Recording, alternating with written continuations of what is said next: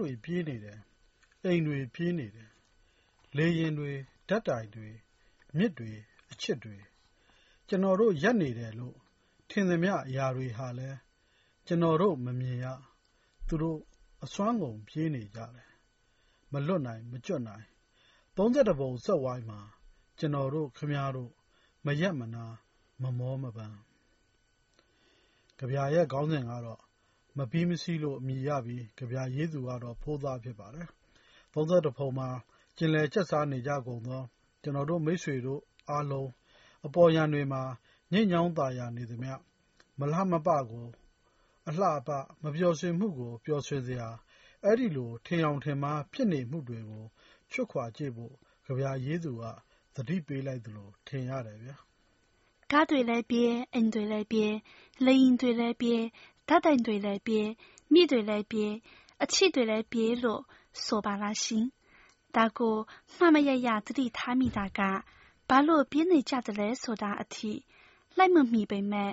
ကားတွေဟာတကယ်ကိုပြေးလို့ရတဲ့အရာ။ဒါပေမဲ့အိမ်တွေကြတော့အားလုံးသိတဲ့အတိုင်းထပ်မစီမပြောမလဲမချင်း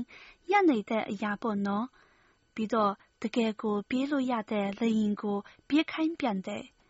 နောက်ထပ်ဓာတ်တိုင်ဆိုတာက အိမ်လို ကျမတို့မျက်စိရှေ့မှာ ဘယ်လိုမှ ပြေးလို့မရတဲ့အရာ။ဒါပေမဲ့ဓာတ်တိုင်ဆိုတာလည်းပြေး။နောက်တခါမြစ်တွေပေါ့နော်။မြစ်တွေဆိုတာက ရေကန်တကန်လိုအစင်းအစင်းမဲ့ ရေတွေ မဟုတ်ဘူးနော်။အဲဒီလိုဆိုတော့မြစ်တွေမှာ ရေတွေက စီးဆင်းနေတာမြစ်တွေ ပြေးနေတဲ့သဘော။ကဗျာရေးသူက ပြေးလို့ရတဲ့မြစ်တွေကိုလည်း ပြေးခိုင်းတယ်။ပြီးတော့ အချစ် အချစ်ဆိုတာစိတ်တဇနံမဟုတ်လား။စိတ်တဇနံဆိုတာထိတွေ့ကိုင်တွယ်လို့မရတဲ့အရာလေ။အိမ်တွေဓာတ်တိုင်တွေတောင်ထိတွေ့ကိုင်တွယ်လို့ရတဲ့အရာဆိုတော့ပြေးမယ်ဆိုပြေးလို့ရပါဦးမယ်။အချစ်ဆိုတာကတော့သေချာတယ်။လုံးဝစိတ္တဇနံ။ဒါပေမဲ့သူလည်းပဲပြေး။ဒီမှာကျမတွေ့မိတာကကဗျာရေးသူဟာတကယ်ပြေးနေတဲ့ ဒါမှမဟုတ်ပြေးလို့ရတဲ့အရာနဲ့ပြေးလို့မရတဲ့အရာကိုတခုချင်းစီ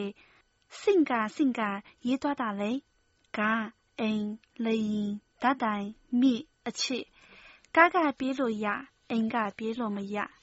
လေယာဉ်ကပြေးလို့ရ၊ဓာတ်တိုင် က မရ၊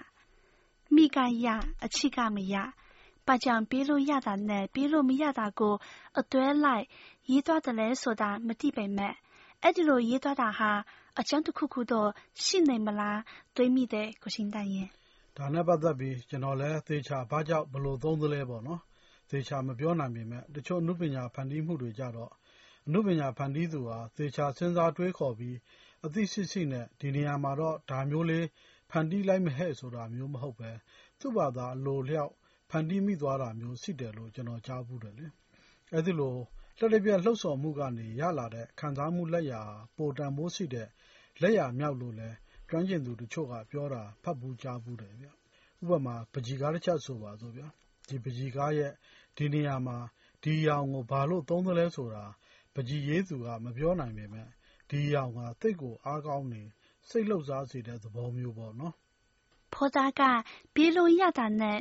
ပြေးမရတာကို ဘယ်လိုကြောင့် သုံးသလဲ မသိပေမဲ့ကျမကတော့ အဲဒီလိုအသုံးကို သဘောကျမိတာ အမှန်ပဲရှင်။ ဒီသံပုရာကြီးထဲမှာ အရာအားလုံးဟာ ပြေးနေတဲ့သဘော။ဒါကို ကဗျာရေးသူကထပ်ပြောလိုက်တာက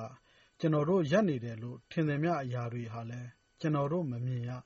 သူတို့ အစွမ်းကုန် ပြေးနေကြတယ်တဲ့။သူပြောချင်တာက အိမ်တွေ၊ဓာတ်တိုင်တွေ၊အချစ်တွေဆိုတာကို ကျနော်တို့က ရပ်နေတယ်လို့ ထင်နေတဲ့အရာတွေလေ။ဒါပေမဲ့ ဒီလို ရပ်နေတယ်ထင်တာတွေဟာလည်း အစွမ်းကုန် ပြေးနေတယ်။ကျနော်တို့ကတော့ မမြင်ရဘူးပေါ့ဗျာ။ အပေါ်ယံကိုကြည့်မယ်ဆိုအရာအားလုံးဟာတည်ငြိမ်သယောင်ရှိနေပေမဲ့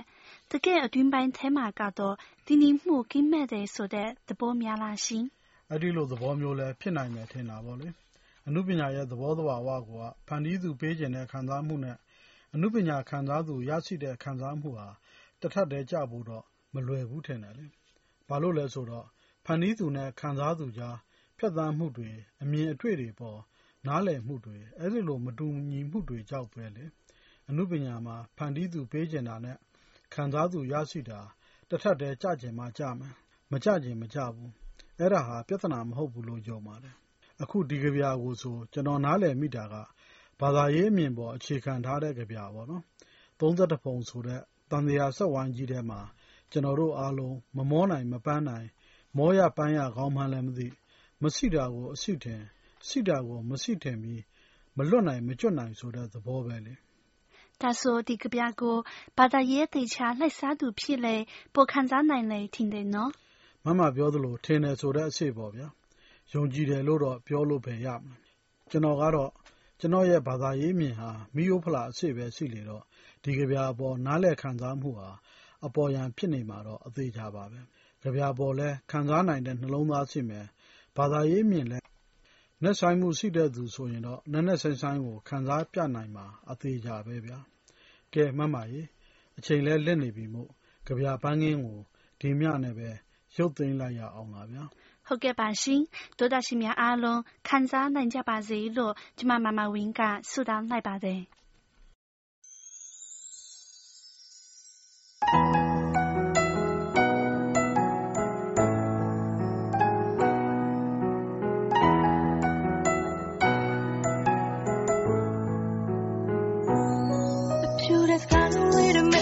같이 했다